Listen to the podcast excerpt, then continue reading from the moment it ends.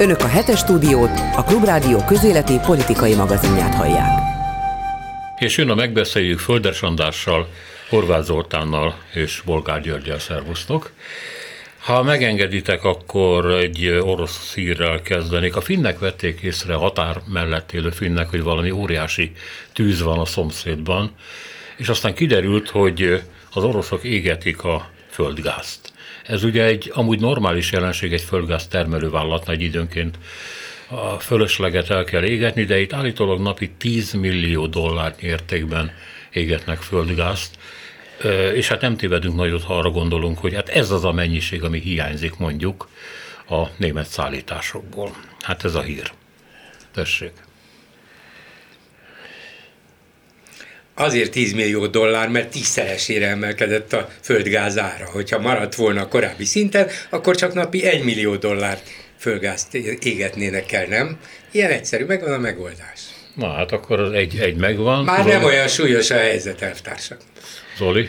Hát én csak azt sajnálom, hogy kín volt a Szijjártó miniszter, aztán a másik honvédelmi gépen a másik miniszter, már nem is tudom. Nagy Mártonnak Nagy, hívják. Így van, Nagy Márton. Ezek mind dumáltak ott valamit, és mi állítólag végtelenül jobban vagyunk a szovjet vagy orosz elvtársakkal, és oly mértékben elégítjük ki sokféle politikai, diplomáciai igényeiket, hogy a túróban nem tudják nekünk ezt a kis gázt átnyomni. Hát valami jön, csak úgy rajként idézve, akit még a régi generáció ismer, nem az igazi, ugye? Tehát nem az a hatalmas mennyiség jön, amiről korábban szó van, a 700 milliárd. Nem, nem, nem, nem. nem. Az egyrészt 700 millió, millió bocsánat. másrészt az nem hatalmas mennyiség, ugyanis még tavaly októberben Orbán Viktor valószínűleg már sejtve, sőt, tán tudva az amerikai és NATO hírszerzési jelentések alapján, hogy itt bizony háború lesz, mert ők megmondták, és gyorsan kötött egy földgázszállítási szerződést az oroszokkal 15 évre, de az is 4,5 milliárd köbméterről szól. Ahhoz képest szeretett volna februárban még plusz egy milliárdot, nem kapta meg, Szijjártól kiküldte, hogy legyen 700 millió, talán ezt megkapja, de ez az összességében 5 milliárd 200 millió köbméternyi földgáz, a magyar fogyasztás körülbelül fele. Úgyhogy akár elégetik az oroszok, akár nem égetik el, és akármennyire jóban vannak a magyar kormányal, vagy akármennyire nem, de még minket se látnak el elég földgázzal, hiába próbálunk ott mindenféle hátsó kapukon bejutni és, és minisztereket küldözgetni. András? Hát persze, nekem az jut eszembe, ugye, hogy azt a gáz mennyiséget szokták elégetni, amit nem tudnak felhasználni, nem tudnak eladni. Normális esetben az a gázmennyiség, ami már nem fér be a csövekbe, de itt folyik egy politikai játék, és ezt a gázmennyiséget ö, el akarták volna adni, de a politikai helyzet olyan, hogy most ez náluk fölöslegben fennmarad, és inkább elégetik, hiszen ö, úgy tűnik, hogy Putyin egy csiki-csuki játékot játszik ezzel a ö, gázzal. Nagyon sokan ö, jósolják azt, hogy a teljes gázellátás az soha nem lesz elzárva, hiszen akkor önmagának ezt a, a zsarolási potenciáját ö, szüntetné meg, de nem is adhat eleget, tehát ebben a játékban a földből előjön egy olyan mennyiségű gáz, amivel nem tud mit csinálni, ami ebben a játékban fölösleges, ezt égetik el. Ha akarnák, persze, akkor ezt el lehetne adni, tehát most itt nem gazdasági játék folyik, hanem egy háborús játék, amit nézünk.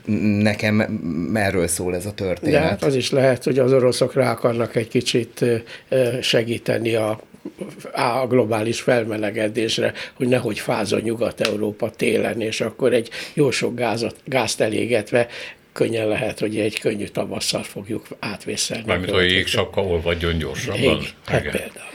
Hát egyébként a globális felmelegedés ebben a játékban csak zárójel, tényleg egy, egy járulékos ö, sztori, amiből az oroszok jól jönnek ki, hiszen ugye a, az eddig teljesen fagyott tajga felolvad, és ott hozzáférhetővé válnak olyan területek, akár bányászatra, akár földművelésre, akár ö, olaj- vagy gázkitermelésre, amik eddig túlságosan költségesek voltak. Egyrészt, másrészt meg amit olvastam erről, hogy ugye itt ennek ö, járulékos vesztesége, hogy rettenetes mennyiségű metán szabadul föl, tehát ez a, ez a sztori, ami rövid távon az orosz gazdaságnak jó, triplán pörgeti meg aztán ezt a rettenetes klímaválságot. Úgy látszik, amit... ez is a harmadik világháború része lesz, vagy meg, majd tanuljuk a iskolába, érettségizünk belőle. Minden esetre ismét nagyot nőtt a gáz és az áramára az Euró, európai tőzsdéken, és a cseh miniszter javasolta, hogy a, legyen egy rendkívüli ülés az energiaügyi minisztereknek, és vezessen be az Unió egy uniós szintű árstoppot az áramra, hogy miért pont az áramra, azt nem tudom, de minden esetre valami központi lépés, központi szabályozást javasolnak. Mit gondoltak erről? Hát a politika ugye a legfontosabb dolga az, hogy azokat a tömegeket, akik őket megválasztják, azokat többé-kevésbé nyugalomban tartsa, pánikmentes állapotba tartsa, már pedig a, a világpolitikai helyzet az korán sem oly mértékben megnyugtató, hogy erre lehessen mondjuk csak a nyilatkozatok, vagy a szép parlamenti beszédek szintjén számítani. Tehát könnyen el tudom képzelni, hogy ezek, a, amit a kádárizmusban közérzet javító lépésnek neveztek, ezek megvalósulnak. Angliában egyébként már működik a, a gázárstop. Igaz, hogy kétszeres, épp most emelték kétszeresére. És már tüntetnek is. Igen, igen tehát, hogy mondjam, a gyakorlat az ismerős, nem tőlünk tanulták, de azt hiszem, hogy ezek szimplán és tisztán politikai lépések és az emberek és a választók, ha tetszik, megnyugtatását szolgálják. Azért sok olyan választás előtt állunk, egyebek mellett Olaszországban, ahol nagyon fontos szerepe lesz ezeknek a tényezőknek. Hm? Hát nem, fogalmam sincs, hogy ebből mi lesz. Nem, nem jósolok nagy jövőt neki, bár nyilvánvalóan az Európai Unió igyekszik valamilyen korlátok között tartani az elszabaduló energiaárakat, de hogy ez egy általános, mindenkire kiterjedő árstop legyen, ezt ezt nehezen tudom elképzelni, de hát eddig sok minden olyan történt, amit nehezen tudtunk elképzelni, akár ez is bekövetkezhet. Nem ez a kérdés, mert azt is valakinek ki kell fizetnie.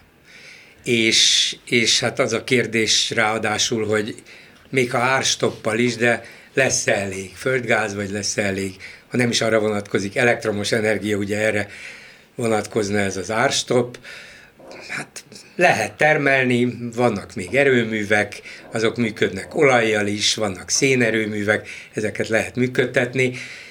Mondom, itt az lesz a kérdés, hogy hogyan vészeli át legalább ezt a telet Európa, és el tudja látni elektromos energiával, meg, meg fűtési energiával az uniós országokat, és ebben egy dolog van, ami fontos, nem hiszem, hogy ez az árstop lenne, a szolidaritás. Vagyis biztos lesznek országok, amelyeket jobban érint, jobban sújt, jobban fenyeget, vagy ennek a hiánya, vagy annak a hiánya. Lesznek olyanok, amelyek ezt jobban át tudják vészelni, lesz-e bennük hajlandóság, készség, támogatási elszántság, hogy segítsünk a másikon. Azt tudjuk, hogy Magyarországról nem szabad energiát exportálni.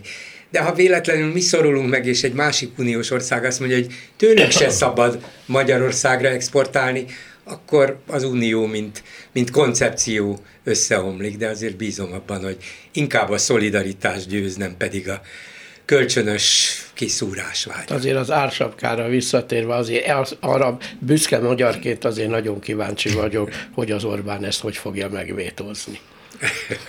Igen, nekem, nekem egyébként ezek a mesterséges ársapkákkal és árszabályozással mindig is úgy koncepcionális problémám van, tehát hogy ezek általában akár már középtávon is inkább megbolondítják a piacot, és, és olyan ö, effektusokat indítanak el, amik aztán szintén ö, későbbi ö, kezelést igényelnek, szóval ö, nem hiszem, hogy ezek, ezek ö, valóban ilyen, ilyen hangulatjavításon túl nagyon praktikusak, de szerintem adott esetben, kicsit ellentmondva magamnak, az is benne van, hogy ö, hogy a hangulat most a háború szempontjából nagyon fontos, tehát hogy egyre inkább kimutatható ez a háborús fáradtság, akár hogyha így nézem, hogy a, az Ukrajnával foglalkozó cikkeket milyen számban olvassák, akkor lehet látni a visszaesést, és ez nyilvánvalóan a, az Oroszország elleni erőfeszítéseket ássa alá, tehát hogyha a nagyobb áramár, a, nagy, a nagyobb terhek miatt egyre többen mondják azt, hogy legyen béke, tudjuk, hogy a béke az, az, az, az valójában ö, számtalan idézőjel ö, közepette értelmezendő, akkor helyzeti előnybe kerül Oroszország, kevesebb lesz a, a politikai támogatása az irányában, hogy, hogy igenis valahol megállt kell ö, szabni ennek a, a folyamatos expanzív, expanzióban lévő ö, birodalmi gondolkodásnak, és ez hosszú távon, vagy akár középtávon aztán megint csak visszaüthet. Igen, hát a, ez valóban igazatok van, ez egy politikai döntés kérdése, természetesen nem is piaci, e, és összefügg azzal, amit Inotai András egyébként a európai tűrőképességnek nevezett, hogy tudnélik, e, mi az, amit az emberek elviselnek majd a, a kemény teret, ugye a ilyen-olyan hiányokat, a rettenetes mértékű energiárakat, és mikor fordulnak szembe mondjuk e, ilyen áldozathibáztató módon Ukrajnával, és mikor mondják azt, hogy egyezzenek ki egymással, és mikor mondják ki végül azt a döntő mondatot, hogy ez nem a mi háborunk. Mert eddig valamiképpen úgy volt, hogy ez a mi háborunk is, vagyis inkább értünk vívott háború is. Ez Azt a... akarod kérdezni, hogy mikor mondják ki végre, hogy már megint Orbán Viktornak volt Nem, igaza? ezt akarom kérdezni egyáltalán, de köszönöm szépen, hogy itt találós kérdéseket játszunk, hanem hogy ti mit gondoltak arról, hogy, hogy milyen állapotban lehet nek ezek a társadalmak. Az ember azt gondolja, hogy minél több van neki, minél egy nagyobb igényű és jól működő fogyasztói társadalom, annál többet bír el, de ez nem biztos, hogy igaz. Lehet, hogy azok a legtörékenyebbek.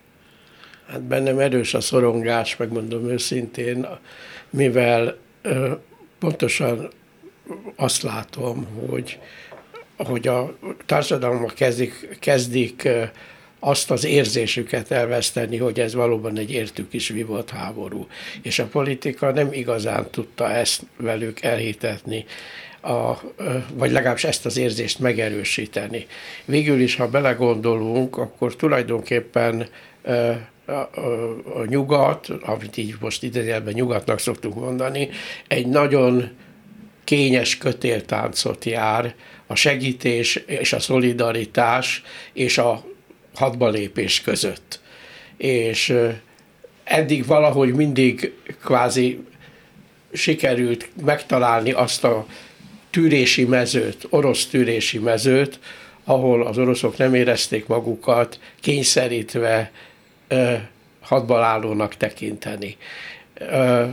Na most ezt a, ezt a nagyon idegesítő játékot, ami diplomáciai szinten zajlik, mi talán itt lenne a mezőn, ezt talán kevéssé érezzük, de hogyha nem vagyunk képesek felfogni, vagy a, a, a, a, a választók, mondjuk így a tömegek az túlságosan mozgalmi, de amik a választók nem képesek felfogni, hogy tulajdonképpen ez a játszma pontosan annak az érdekében történik, hogy még nagyobb emberi vérvesztességet és gazdasági veszteséget szenvedjenek, akkor valóban elérkezhet az a pillanat, amikor kimondják azt a végtelen nagy ostobasságot, hogy ez nem az ő háborújuk egyre több olyan, bocsánat, mindjárt ti jöttök, csak még hozzátenném, egyre több olyan úgynevezett elemzést lehet olvasni ilyen, nem is tudom honnan előkapart szakértőktől, ez a, az index is tele van ilyenekkel, akik azt bizonygatják, hogy nyugat tulajdonképpen azt a játékot játsz, hogy nem látja el elég fegyverrel Ukrajnát azért, hogy a háború elhúzódjon, az oroszok kivérezzenek, de ne dőljenek azért a kardjukba. Ez az egyik magyarázata annak, amit én előbb fejtegettem. És van egy szép magyar kifejezés, bullshit. Igen. De mindegy. Jó, bocsánat, csak ezt hozzáfűztem. Igen. Ti jöttök, tessék. Ugye ennek a modern médiának, amiben mindenki a világon megszólalhat, és mindig talál magának valamilyen fórumot és közönséget is, az az egyik hátránya a sok előnye mellett, hogy tényleg minden hülyeség végigfuthat az egész világon. És ezért akár önjelölt szakértők, akár csak kinevezett szakértők, de néha még okos szakértők is feltétlenül szükségét érzik annak, hogy folyamatosan elmondják, hogy ők hogy látják a világot, vagy hogy látják ezt a fél éve zajló háborút, és hogyha a többség így látja, akkor kell, hogy legyen valaki, aki amúgy látja, mert akkor fognak rá fölfigyelni, akkor fogják elolvasni, akkor fognak ráklikkelni, akkor fogják idézni. Úgyhogy teli vagyunk ilyen hülyeségekkel, ezek is például ezek a feltételezések, hogy kifejezetten azért nem adnak nekik elég fegyvert, hogy elhúzódjon a háború, na hát ilyen beteg se amerikai kormányzat, se NATO vezetés nincsen, ez teljesen nyilvánvaló. Ennek a támogatásnak egészen egyértelmű korlátai vannak.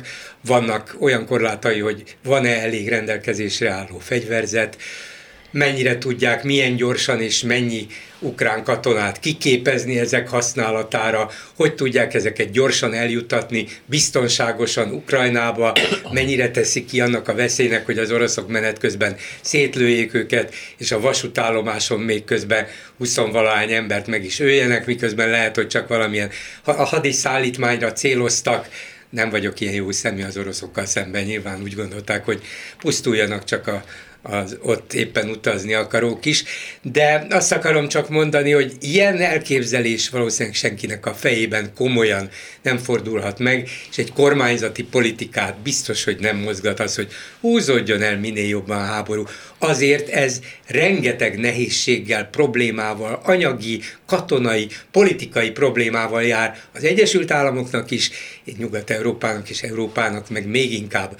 Úgyhogy ha azt lehetne elérni valahogyan, hogy az oroszok álljanak meg és mondják azt, hogy jó, köszönöm, elég volt, elértünk, amit akartunk, tárgyaljunk, akkor ebbe az ukránok nem biztos, de azért a nyugat és az Egyesült Államok biztos azonnal belemenne, azt remélve, hogy ez már a verességhez vezető út, a visszavonuláshoz vezető út. Ha az oroszok abba hagyják, ez azt jelenti, hogy nincs már elég elszántság bennük, nincs elég akarat, nem biztos, hogy van elég katonai és anyagi háttere ennek, ebből pedig mi profitálhatunk. Nem az, hogy most elhúzzuk öt évre, mert olyat is olvastam, hogy tíz évig is eltartott. Jó, persze, mindegy, volt 30 éves háború is a világon, de nem kell minden hülyeségre ráugrani. András? Nagyjából én is így, így gondolom. Egyébként a félve mondom, mert kiforgathatóak ezek a szavak, de hogy a, a háború valamelyes elhúzása az az ukránok érdeke, de egyébként a fegyverek miatt, hogy például legyen idő arra, hogy megérkezzenek ezek a fegyverek, amiket egyébként küldenek, bár mondjuk zárójel a németek kevésbé lelkesen, de Amerikából, Angliából, Franciaországból érkeznek ezek a fegyverek, meg hát ugye most Csehországgal kapcsolatban hallottunk jelentős lépéseket, tehát érkeznek ezek a szállítmányok, de ezeket el kell juttatni a frontvonalra, ezeknek ki kell képezni a kezelő személyzetét, ezek high-tech fegyverek, tehát hogy a mindennapi ember nem is gondolná, vagy a hétköznapi ember nem is gondolná, hogy ezek azért tényleg bonyolult, szaktudást igénylő, adott esetben IT terén ö, nagy professzionalitást igénylő ö, ö, rendszerek, ezekhez ki kell képezni az embereket. Ugye nyugati katonák nem állhatnak be az említett okok miatt, hogy, hogy, hogy ezeket a fegyverrendszereket kezeljék. Tehát az ukránoknak valamelyes érdekük az, hogy elhúzzák a a háborút, tehát például Luhanskban azért harcoltak nagyon határozottan és nagyon sok katonájukat is feláldozó módon minden egyes kis faluért, mert közben érkezhettek azok a fegyverek, amikkel aztán most már ugye egészen vissza tudták szorítani a, a, az oroszokat a frontvonal mögé. Ö, tehát, hogy ez, ez, egy, ez egy érdekes kettős játék, de a, te, a háború teljes elhúzódása az, az éppen emiatt nem a, a fegyverek távol maradása, hanem a fegyverek érkezése és szempontjából kezelendő. bárki bármit talál ki, vagy tervez, hogy húzzuk el így, vagy úgy, úgy, ha az ukránok nem akarnak harcolni, mert az ukrán társadalomnak elege lesz belőle, és azt mondja, hogy nekem már sok, hogy meghalt a férjem, meghalt az unokatestvérem, meghalt a szomszédom, hogy esetleg télen fázom, vagy nincs már világítás, vagy el kell menekülnöm, és most már egy éve Lengyelországban kell élnem, és nincs munkám, és kegyelem kenyéren élek, ha elegük lesz, akkor nincs az az amerikai stratéga, aki azt mondaná, hogy de húzzuk el még három-négy évig, mert ukránok nélkül ez a háború nem folytatható. Igen, a CNN közölt egy, a műsor elejé jegyzetemben idézem is, egy számot, hogy tulajdonképpen több mint 11 millió ukrán menekült el az országból, 6,6 millió belső menekült van, tehát nem mentek ki az országból, de nem a lakásokban, városaikban élnek, tehát 17 millió ember hontalan. Ez az ukrán lakosságnak a 40 a Tehát ha ilyen iszonyatos veszteségekkel, 40%-nyi hontalannal az ország még hajlandó állni a sarat, akkor kik vagyunk mi, hogy bármit is mondjunk nekik. Igen. Jó, ezt csak hogy hozzáfűzném. De ez hozzátartozik egy olyan vita, ami részint jogi, részint pedig morális. Ezt az észt a finn kormány indította el, aztán csatlakoztak hozzá a szlovákok és a csehek. Ez tudnélik arról szól, hogy részint csökkenteni kell az orosz turistáknak kiadandó vízumok számát. Azt hiszem, hogy Finnország vagy Észtország már 10%-ot akar rögzíteni, de a végső cél az, hogy ne kapjon az Unióba vízumot orosz turista, miközben a honfitársai ott öldökölnek Ukrajnában. Ezt Németország ellenzi, Magyarország még nem szólalt meg, de tudjuk, hogy bizonyára ellenzi, és hát sokan mások is. Na most, amíg itt nincs egy teljes konszenzus, ami nem lesz, addig a dolognak értelme sincs külön-külön nem adni vízumot, mert hát máshol Mi megadjuk Magyarországról a Schengeni vízumokat, így aztán van, mehetnek ahova akar. Így van, a Schengeni övezetben ugye lehet mozogni, el lehet menni Észtországba is, ahova egyébként nem akarták őket beengedni. Ez az egyik, tehát ez a tény, és akkor sokan azt mondják, hogy ez egy kollektív bűnösség, amit elkövetünk az oroszok ellen. Mások meg azt mondják, hogy nem lehet egy népet hagyni hogy félrenézzen, hogy úgy tegyen, mintha nem lenne semmi köze ehhez. Mit gondoltok ti? Hát ez egy nyilvánvalóan hangulatjavító intézkedés szintén, hiszen hogyha valaki ugye be szeret, ha, ha, ha a kémeket szeretnénk távol tartani, akkor annak számtalan más módja van, hogy, hogy bejussanak, adott esetben ugye itt is vannak az EU területén. Ez valóban egyfajta szimbolikus lépés lenne az EU lakói számára, illetve egy üzenet a, az orosz lakosság számára, annak a reménye nélkül, hogy ez a lakosság fellázadna. Nagyon sok tanulmány szól arról, hogy ez a, a rezsim, ez az autokrácia vagy diktatúra, amit a Putyin felépített, ez olyan mértékben konszolidált, hogy annak nincs sok valószínűsége, hogy itt egy forradalom söpörje el a rendszert, mindenki része ennek, mindenki ettől függ, mindenki ennek a média buborékában mozog. Most olvastam, hogy az átlag orosz, aki olvas médiát, vagy, vagy, vagy forgat lapokat, az még mindig abban a tudatban van, hogy ők egy erős nyerő pozícióban vannak Ukrajnában, tehát nem látják, hogy mi a, mi a helyzet, hogyha az oroszok az orosz turisták otthon maradnak, akkor ez nem azt jelenti, hogy ők hirtelen ráébrednek, hogy mekkora a baj, és felkelnek Putyin ellen. Ez az egész ö, ö, nem valószínű, valószínűsíthető a jelenlegi ö, politikai ö, környezetben.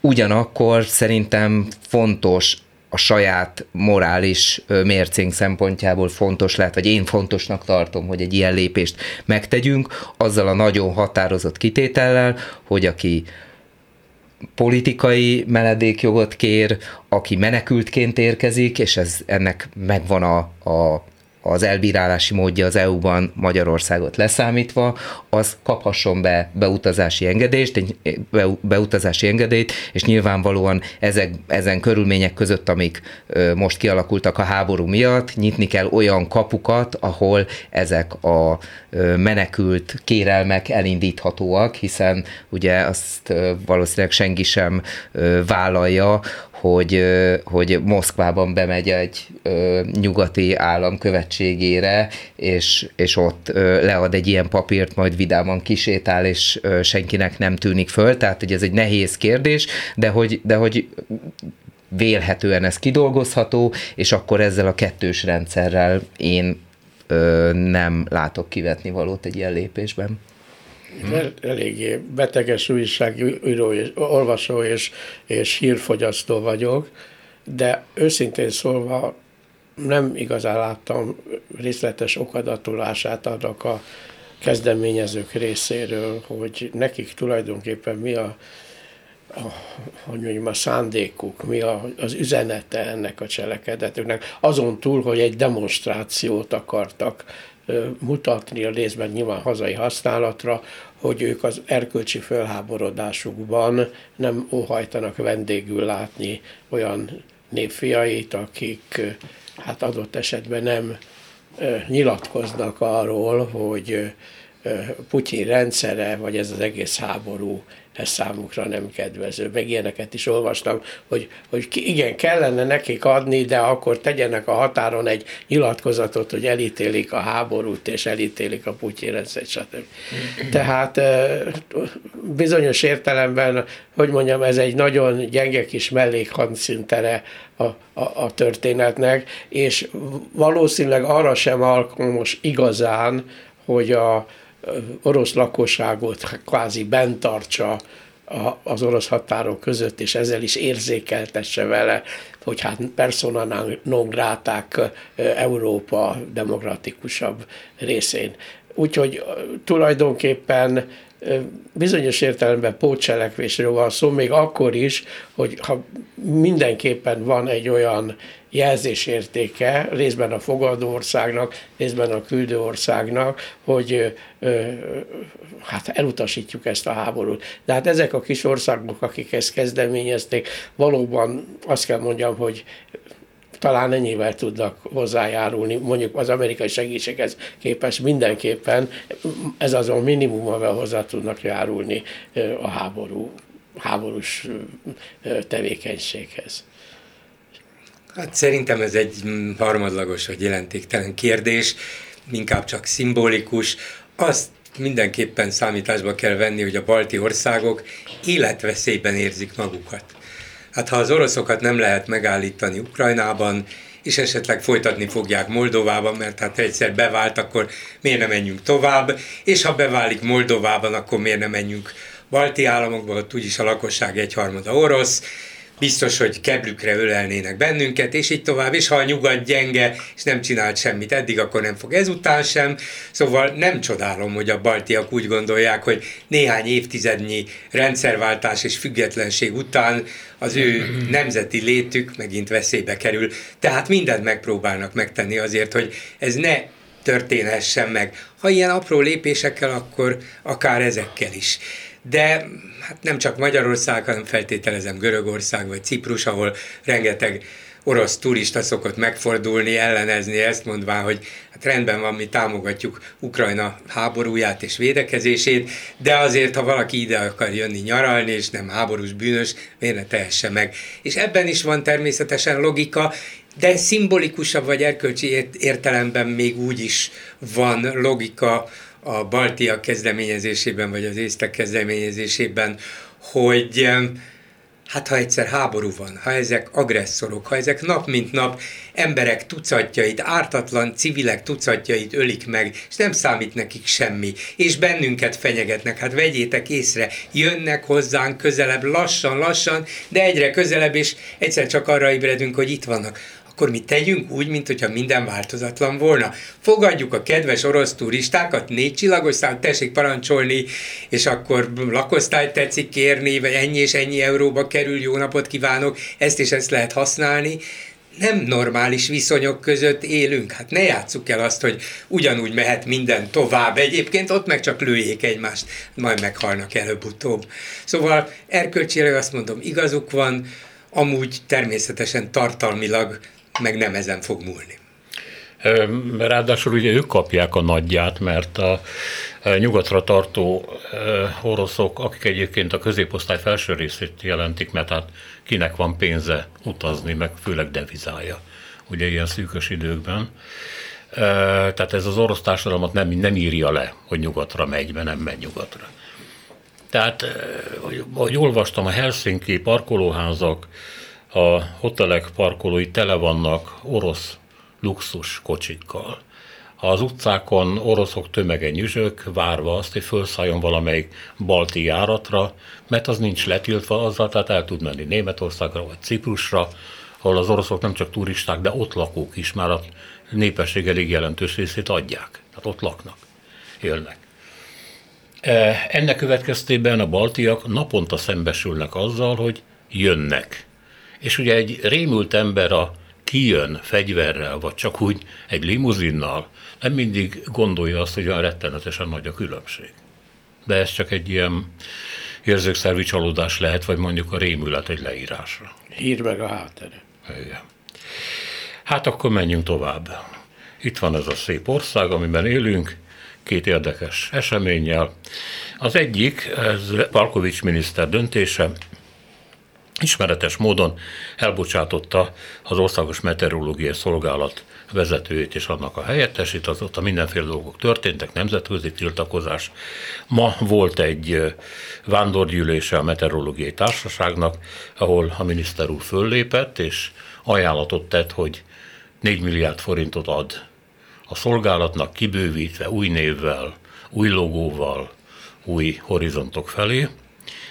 Újságírókat nem engedtek be.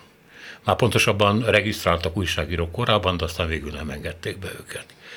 És azt mondta a miniszter úr, hogy hát ha a belügyminiszter nem indokolja meg, hogy miért bocsát el főkapitányokat, akkor neki ugye miért kéne indokolni, hogy miért bocsátja el a szolgálat vezetőit. Körülbelül itt tartunk. Hát szükségállapotban ez logikus, és egyébként természetes, hát ha helyzet van, ilyenkor nincs indoklási kényszer, de még mondott hát Először is nem látták a vírusokat jönni. Igen. Ugye? Azért ez egy komoly hiba volt annak idején. De tulajdonképpen még egy dolgot mondott a miniszter, és ez számomra a legfélelmetesebb, ha, ha igaz, amit mondott, hogy őt az eladása után és az ígéret után megtapsolta a vándorgyűlés. Igen. Ez Ezt szinte, mondta, igen. Ez nekem többet mond, mint És az mi mindig hiszünk Palkovics miniszternek, nem? Mm. Hát egészen 4 milliárd forint értékben Addig hiszünk. hiszünk Na de hát könyörgöm, az a ö, tudományos, szakmai, értelmiségi közélet, amelyiknek bizonyos értelemben edukációja, tradíciója okán valamiféle morális tartást kellene mutatnia egy ilyen esetben.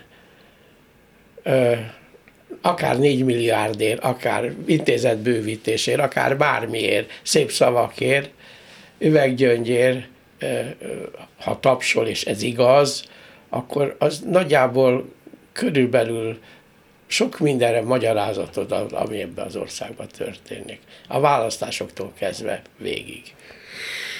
Ö, bocsánat, azt mondta a Demokrata című lap főszerkesztője, hogyha Orbán Viktor az országban van, akkor ez a kirugás nem történik meg, és ezáltal fölidézte ugye azt a pillanatot, amikor Orbán Viktor utazott volna valahova, jól emlékszem Kanadába, de a gép nem jött meg, vagy megjött, de elment, vagy más színűre volt festve, mint ahogy megbeszélték, és Orbán Viktor ott a helyszínen kirúgta. Az akkor még létező Malévnak az egyik vezetőjét. Ez csak úgy fölrémlik. Ugyanő azt is mondta, hogy kritikával illeti Palkovics minisztert, mert ez egy ítélet volt, és micsoda disznóság, hogy az ítélet előbb jön, és utána van a vizsgálat. De a vizsgálattal már az MTA-t vádolta meg, hogy az miért kezd egy ilyen esetben vizsgálat, vizsgálódni, amikor már megtörtént az egész, és minden posztfesztán van. Úgyhogy ügyesen megvan osztva a kritika, a kormány meg az egyébként nagyon nem kormány MTA között. Hm? Mit ezt, mondjuk, ezt fölöslegesen mondtam. Nem, nem, nem. Érdekes volt ez a Bencsik nyilatkozat, mert szerintem ő ezt magától mondja, nem hiszem, hogy megvan osztva itt a kritika bárki között. Nyilván azért még nem, a kormány... Nem, ide szúrt, meg ja, oda ja, is igen, szúrt, igen. ezt akarom mondani. Ja, értem. Nyilván még a legelszántabb kormánybarátoknak, vagy nevezzük inkább Orbán barátnak, mert ebből a nyilatkozatból is látszott, hogy ő azért alapjában Orbán barát és nem kormánybarát.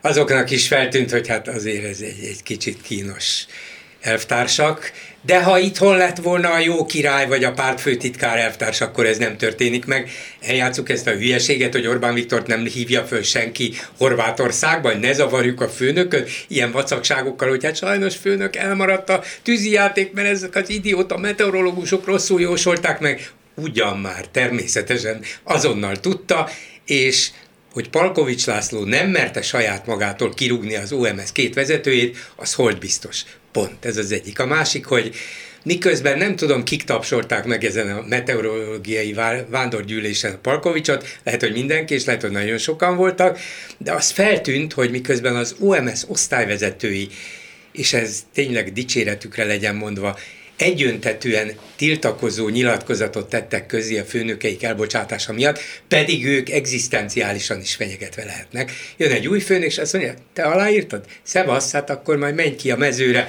és ott jósold meg az időt a, a teheneknek de itt ebben az épületben már nem. kizárva, hiszen most mondom, szervezik át az mond, egész. Azért mondom, tehát ők komoly egzisztenciális fenyegetésnek vannak kitéve, és ők voltak az egyetlenek, akik tiltakoztak, és pedig tudtommal vannak még meteorológusok ebben az országban, akár különböző kisebb-nagyobb magán cégeknél vagy vállalkozásoknál is dolgoztak, feltűnően csendben vannak. Miért is? Nem szeretik az OMS-t, vagy az OMS kiszúrt fel velük folytonosan, nem adja nekik azt, ami, amire nekik szükségük volna, és oda kellene, hogy adják, nem tudom, nem látok mögéje. De hogy itt hiányzott a szakmai szolidaritás, előbb volt meg különböző más tudósoknál, az MTA-ban és másút, mint a meteorológiai szakmában, az biztos. És van egy harmadik dolog, ami érdekes, eszembe jutott, hogy ma, hogy az nem létezik, hogy bármennyire is kicsi, meg hát elmaradott, bár borzasztóan fejlesztjük, a Magyar Honvédség, de azért meteorológiai szolgálata biztos van. Hát végül is a repülőgépeknek, harci gépeknek föl kell szállniuk. Helikopter, vadászgép, hát tudni kell, hogy honnan jön a vihar, vagy mit kell csinálni, le tudnak-e szállni, föl tudnak-e szállni, és így tovább. Megnéztem, és tényleg van nekik. Van már maga ez az OMS vezető, ez a Radics, azt hiszem mm, Radicsnak hívják, Kornélia talán a, az igazgatónő, nem biztos, hogy jól emlékszem a nevére, ő is a katonai meteorológiából jött, és létezik ma is. Tehát a honvédelmi szolgálatnak, a honvédségnek vannak katonai, katonai meteorológusai. Van egy ilyen szolgálat. Tessék mondani, és akkor ez a kérdés Palkovics miniszternek szól, meg Kovács Zoltán államtitkárnak, meg az operatív törzsnek. Ha tényleg annyira tele volt már a mindenük, meg a poharuk az OMS-szel, hogy annyi hibát követtek el, hogy ez már csak az utolsó utáni csepp volt, és már érett a kirúgásuk, akkor miért nem a katonai meteorológusokat hívták el egy ilyen nagyon kényes döntésnek a meghozatalára, hiszen a polgári meteorológiában nem bízunk, hát akkor jöjjenek a legmegbízhatóbb, az államhoz tartozó katonai meteorológusok, és hát nem, csak nem volt velük is valami bajuk, esetleg ők is valamit rosszul jósoltak meg, de elkövették ezt a mulasztást, ne felejtsük el.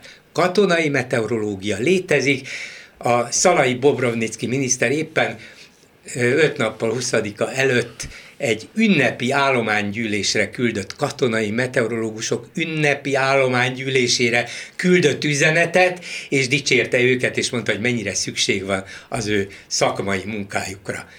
És akkor nem vették őket igénybe elvtársak. Valami nem működik az állami, államgépezetben. És hogy de miért, nem, miért, nem, miért kellettek volna oda a katonák? Mert amikor... rosszul működött az pillanat, OMS, ugye ez, a, pillanat, ez, az, ez az indoklás. Rossz. Áder János két évvel ezelőtt kitüntette ezeket a vezetőket. De azóta minden, minden, azóta napra, el... minden napra rossz jóslatot Azóta elkanászottak, igen. igen. Elbízták magukat. Nem, hát tulajdonképpen a, ugye az is egy, egy érdekes, meg az, az ember kénytelen ilyen elejtett mondatokat vadászni a, a hírmezőben, hogy valamilyen módon érzékelje ennek az egész szisztémának a működését. Volt a Palkovicsnak még egy árulkodó mondata. Azt mondja, amikor ezt a döntést meghozták, én nem voltam ott az operatív bizottságnak azon az ülésén. Magyarán megmondva azért eleve kivonta magát a, a döntés felelőssége alól, függetlenül attól, hogy vagy tanácsra, vagy azért, mert neki már régebben voltak tervei ezzel a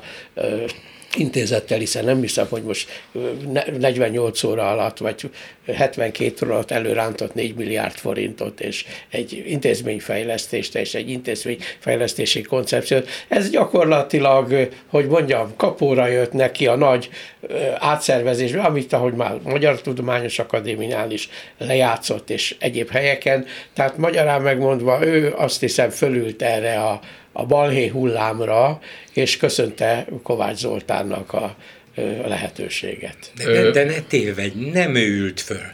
Egy ilyen döntés ahogy Bencsik András jól látja, nem születhetett meg Orbán Viktor nélkül, csak Bencsik azt veszi, hogy azt hagyja figyelmen kívül, hogy Orbán Viktornak is van telefonja. És fölhívják őt Horvátországban. Egy ilyen döntést nem mer meghozni valaki, mert akkor őt rúgják ki, ha véletlenül rosszul dönt. Én ebben vitatkoznék, mert ez egy nem tűnik olyan nagy jelentőségű döntésnek úgy általában, ha nem gondolja valaki végig az egész, a politikai az egész világon végig a, söpört. Az egész pontosan világon. erről beszélek. Ha nem gondolja valaki végig a politikai következményét, ha egyszerűen csak a hivatali logikában működik, hogy nem tetszik a pofája, vagy érdekem van, itt az alkalom kirúgni, kirugom, és akkor jön a balhé, akkor jön a cunami, akkor kell magyarázkodni. Én szerintem a dolog nem ment el, Orbánig, de teljesen hogy elment vagy nem ment el. A lényeg az, hogy, hogy itt valóban egy politikailag végte, végtelenül hibás és nagyon messzire gyűröző döntés. De, de Zoli, ez csak politika. Hát ki a fenét érdekel, hogy most jó jóslatot adtak egy jó előrejelzést, vagy nem? Hát bosszankodik az átlagember, hogy már megint azt mondták, hogy milyen meleg lesz, aztán nem is lett olyan meleg. Rendben van, belefér, ez sokszor előfordul. De annak, hogy 20 tűzijáték, ünnepi tűzijáték, Európa legnagyobb tűzijátéka elmarad, mert ezek riogattak minket alaptalanul, ez 101 százalékig politika. De ez hát csak Orbán Viktor most Horvátországban van, lehet, hogy pont akkor robbant le a motorcsónakja, és lemerült az a régi a, a mobiltelefon, amivel ugye ő fel van szerelve, valószínűleg ezért valami régi megvenni, Nokia. Ezért kellett megvenni a Vodafont. Igen. Szóval Tehát egy, neki se könnyű, nem hiszem, hogy oda tudnak neki A politikának a másik sikjáról beszélünk. A politikának az a sikja, amit a, a amit a kormánysajtó, a média, a lakály média produkált, az események után, és gyakorlatilag unisono húzta le a vizes lepedőt a, a meteorológusokról, az pontosan azt, azt az irányt mutatta, azt a alsó szintjét, ahol a közönségnek játszom nem mondtak jót a meteorológusok, ők a felelősek azért elvették tőled ezt a kitűnő játékszert. Hát mi megmutatjuk, hogy olyan kemények vagyunk, hogy elzavarunk. A felső szintre, tehát a, a, az általános társadalmi hatásra nem gondoltak, és az a politikának egy másik szintje lehet mondom, neked van igazad, de nekem, nekem úgy tűnik, hogy ez valóban a Bencsik kimondta, ez egy meggondolatlan és politikai nagyon káros lépés. De Palkovics ma mondott egy olyan mondatot, amivel a híradások szerint nem egyszerűen fölült a Kovács féle hullámra, hanem hibáztatta Kovácsot. Tehát az egyik felelősnek tüntette föl, aki ott ült a törzsben, ahol ő nem ült, és hozott egy olyan döntést, amit ha ő ott ült, talán nem hoznak meg. Hát ez van érzékeltetve. Tehát itt már a egymásra kenés is igen, igen, folyik. Igen, az egyik kollégám, mielőtt bejöttünk volna a stúdióba, mutatta meg, mutatott meg egy nemzetközi meteorológiai előrejelzés Budapestre. Ma ugye péntek van, akkor vesztük fel ezt a beszélgetést. Holnap lesz a a nagy nap, tehát ma, ugye most szombaton, eső, hallgatnak az eső nap. Igen. És 40%-ban esőt és vihart mond ez az előrejelzés. Nem lennék Szombatra. a helyükben, nem lennék a helyükben. Úgyhogy itt tömeges és világszerte tartó kirúgások jönnek. Hát a kínai eltársak Még a kronométert is leváltják. Kínai eltársak segítségét kell kérni, akik állítólag rakétákkal befolyásolták a pekingi olimpia idején az időjárást, ők majd rendet csinálnak. Szombat este kiderül, hogy melyik meteorológus úszta meg a világban, és melyik nem. Van még egy másik történés, állami számbevőszék egy csütörtöki elemzésében beszél arról, hogy a nők a felsőoktatásban túlreprezentáltak, ez pedig mindenféle nagyon káros és szomorú következményekkel jár. Az egyik demográfiai, mert hát amíg tanulnak, meg mindenféle hivatást űznek, addig nem törődnek a pártalálással, és akinek nincs párja, annak nincs gyereke. Másrészt sokat ártanak az ország gazdaságának is, mert például ugye az iskolákban, ahol e, több a nő, ott nem férfias viselkedésre tanítják a fiúkat, ez pedig később visszaüt, majd ezt nem értettem egészen pontosan, de valamiképpen gazdasági károk következnek abból, hogyha egy fiú túl lányos lesz. És hát ez, ez még csatlakozott a köztársasági elnök, aki azt mondta, hogy hogy nem érdemes lemondani egy gyerekről egy nőnek a hivatása miatt. Tessék. Hát az egy szótévesztés volt itten. Nekem nagyon árulkodó ez a túlreprezentált kifejezés, mert ez mindjárt értékítélet. Ami sokkal sok. Igen. Mert ha azt mondja a szociológus szaknyelven, hogy felülreprezentált, az ugyanazt jelenti, és talán az indulat is ugyanaz mögötte, de hogy mondjam, értelmezhető, semlegesnek értelmezhető. Tehát eleve itt kezdődik a probléma. Az, hogy a, az, hogy a tálib vezetés biztosan üdvözli ezt az átjelentést, mert ők is ebben utaznak, hogy, föl, hogy ne legyenek túl edukáltak a társadalom hölgytagjai, akiknek ennél sokkal fontosabb dolgai vannak, mint hogy mindenféle tudományokba mélyedjenek el. Meg hogy a köztársasági elnökünk a pápánál is gyakorlatilag szép szavakkal, de nagyjából ugyanerről beszélt, az számomra mindenkiben jelzés érdekű. Persze nem meglepő, hát végső soron, ha tetszik, ez az elmúlt 12 kormányzati év gyakorlatilag semmi másról nem szól, mint minden értelemben, a legszélesebb értelemben vett nevelés ellenességből. Legutóbb azt hallottam, hogy a, nem szükséges a nyelvvizsga a diploma megszerzéséhez. Miért, miért, mond, miért mondjuk azt, hogy nem szükséges a, a nyelvvizsga megszerzéséhez? Ennek, ennek több, nagyon sokféle oka lehet, lehet egy politikai oka, és, és sok embernek akarok kedvezni. De jelentheti azt is, hogy ne tudjon nyelveket, mert akkor külföldre megy. Ne tudjon nyelveket, mert akkor tájékozódni tud. És mindenféle értelemben az iskoláknak a, az elszegényítése, független attól, hogy lányok vagy fiúk járnak oda többnyire vegyesen, mind azt mutatja, hogy nem egyáltalán nem fontos, a, hogy egy magasan kvalifikált, a, a világszínvonalnak megfelelően nevelt és, és tájékozott réteg nőjön föl. Ez a nőkre most úgy néz ki, mintha különösebben vonatkozna, de egyáltalán. András? Nem tudok nem úgy gondolni erre, mint egy, mint egy gumicsontra, a klasszikus ö, olyan téma, amit be kell dobni akkor, amikor a, a fő ö, probléma ugye a, az energiaár, ö, mindenki ettől retteg, és ö, minden teljesen igaz, ami itt elhangzik, de, de nekem a, a, a big picture az, hogy ezt lehet tudni, hogy egy ilyet bedobnak, akkor a, a populista a, a, szavazótá, vagy a populizmusra hajlamos fideszes szavazótábor ezzel tud valamit kezdeni, ez nekik egy, egy kellemes, ö, simogató dolog, amivel ö, ö, tudnak azonosulni, a megnyerni nem kívánt ilyen ballibnek nevezett tábor, az nyilvánvalóan vekengeni fog, ö, kialakul egy ilyen általános társadalmi ö, ö, diskurzus erről, vagy, vagy vita, vagy, vagy mindenki erről beszél, ezt tök jogosan, és ez, ez, ez, ez egy nagyon nehéz kérdés, mert, mert valóban ennek a fajta gondolkodásnak tökre gátat kéne szabni, miközben tudjuk, hogy ez az egész, vagy én azt érzem, hogy ez az egész arról szól, hogy ne arról beszéljünk, ami most a, a legnagyobb probléma, és, és, és, és egészen közvetlenül ö, köthető a kormányzat elhibázott lépéseihez.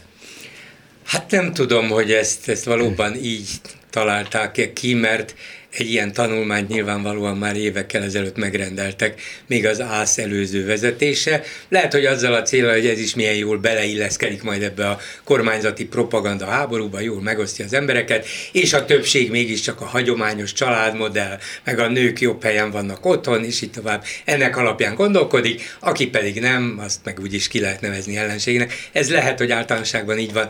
De hogy most éppen, amikor annyi baj van, akkor az ÁSZ új vezetése hirtelen előáll azzal, hogy hú, van itt egy kis tanulmány, itt van már egy ideje az asztalfiókban, dobjuk be, mert ezzel hirtelen nagy politikát csinálunk, nem, valahogy nem érzem, hogy ez, ez, ez beleillett volna az ő koncepciókba, vagy politika csinálásukba, de hát persze lehet, hogy a pártközponttól van ott egy összekötő elvtárs, aki azt mondja, hogy milyen jó lesz ez. Ugye elnök úr és az új elnök úr, aki nem volt fideszes képviselő korábban, megérti, hogy ez a feladat. De nem tudom, mondom, hogy ez valóban így volt-e, csak gondolom, hogy ez nem egy most létrehozott tanulmány, hanem sokkal régebbi és hosszabb ideig készült. A másik azonban az is talán fontosabb, hogy hogy kerül ide az állami számvezőszék? Hát hogy a bánatba? Hogy jönnek ők ehhez? Nem, bárkit megbízhatnak persze azzal, hogy csináljon egy akár jó tanulmányt is, de hogy ez nem az állami számvevőszék dolga, az hétszentség. Az állami számvevőszéknek sok dolga van, igen, az állami intézmények, az állami vállalatok, a pártok és másoknak a költséggazdálkodását figyelni kell, szabályos-e, törvényese, jól használják-e fel a közpénzt, vagy nem, számoljanak el vele, én betartatom velük, és így tovább. De hogy most sokjan nő az egyetemen, vagy kevés, és ennek milyen hatása van, erre vannak a kutatóintézetek, úgy hívják, hogy már nem úgy hívják, hogy Magyar Tudományos Akadémia, hanem Ötvös Lorán, de akármi még léteznek, erre vannak az egyetemek, és nem egy bánatos állami számvevőszék, ez önmagában botrány, ez a közpénzek helytelen felhasználása. Saját magukat rögtön elmarasztalatnák emiatt, nem erre kell költeni. És akkor csak egy apróság, hogy azt elfelejtették a, a tanulmányíró elvtársnők és elvtársak, hogy hát ott van Novák Katalin, három gyerekes családanya, még boxol is. Mi no. az, hogy igen, szabad idejében még boxol is. Mi az, hogy elnőjesítik a, az egyetemeket, meg a, meg a, a a társadalmat, és ott van Varga Judit miniszter, milyen remekül dekázik, két gyereke van. Hát azért a jó példákat is illene felsorolni, ők is magyar egyetemet végeztek, hogy a fenébe ne. Köszönöm szépen Bolgár Györgynek, Földes Andrásnak, Horváth Zoltánnak. Itt a műsor vége. A műsor készítői Józsa Márta, Bodnár Barna, Csernyászki Judit, Lontos Dániel, Gál Bence és Szénási Sándor. Köszönjük a figyelmüket, köszönöm, hogy itt voltatok. Minden jót! A hetes stúdiót a Klubrádió közéleti politikai magazinját hallották.